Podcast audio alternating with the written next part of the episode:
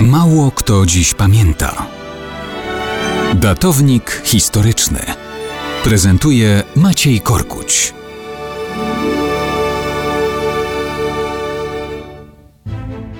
Mało kto dziś pamięta, że 6 lutego 1633 roku arcybiskup gnieźnieński, prymas Polski Jan Wężyk włożył na skronie królewicza Władysława z rodu Wazów koronę królewską.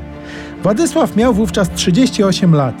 Wciąż jeszcze używał tytułu Wielkiego Księcia Moskiewskiego, choć tam już realną władzę sprawował założyciel dynastii Romanowów. Był wykształconym i solidnym dowódcą. Studiował sztukę wojenną w teorii i praktyce.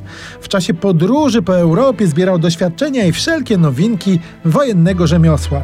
Szybko mógł wykazać swoje talenty, bo Moskwa liczyła na zamieszanie po śmierci króla Zygmunta i wznowiła działania wojenne przerwane przed laty rozejmem w Dywilinie. Władysław IV rozbudował piechotę i artylerię.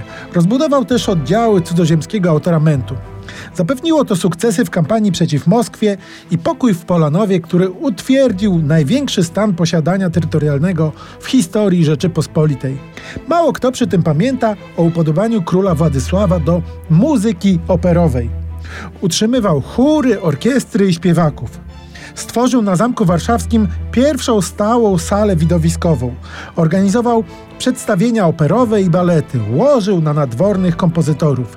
To z jego miłości do sztuki wzięła się kolumna Zygmunta, jeden z pierwszych absolutnie świeckich pomników w Europie.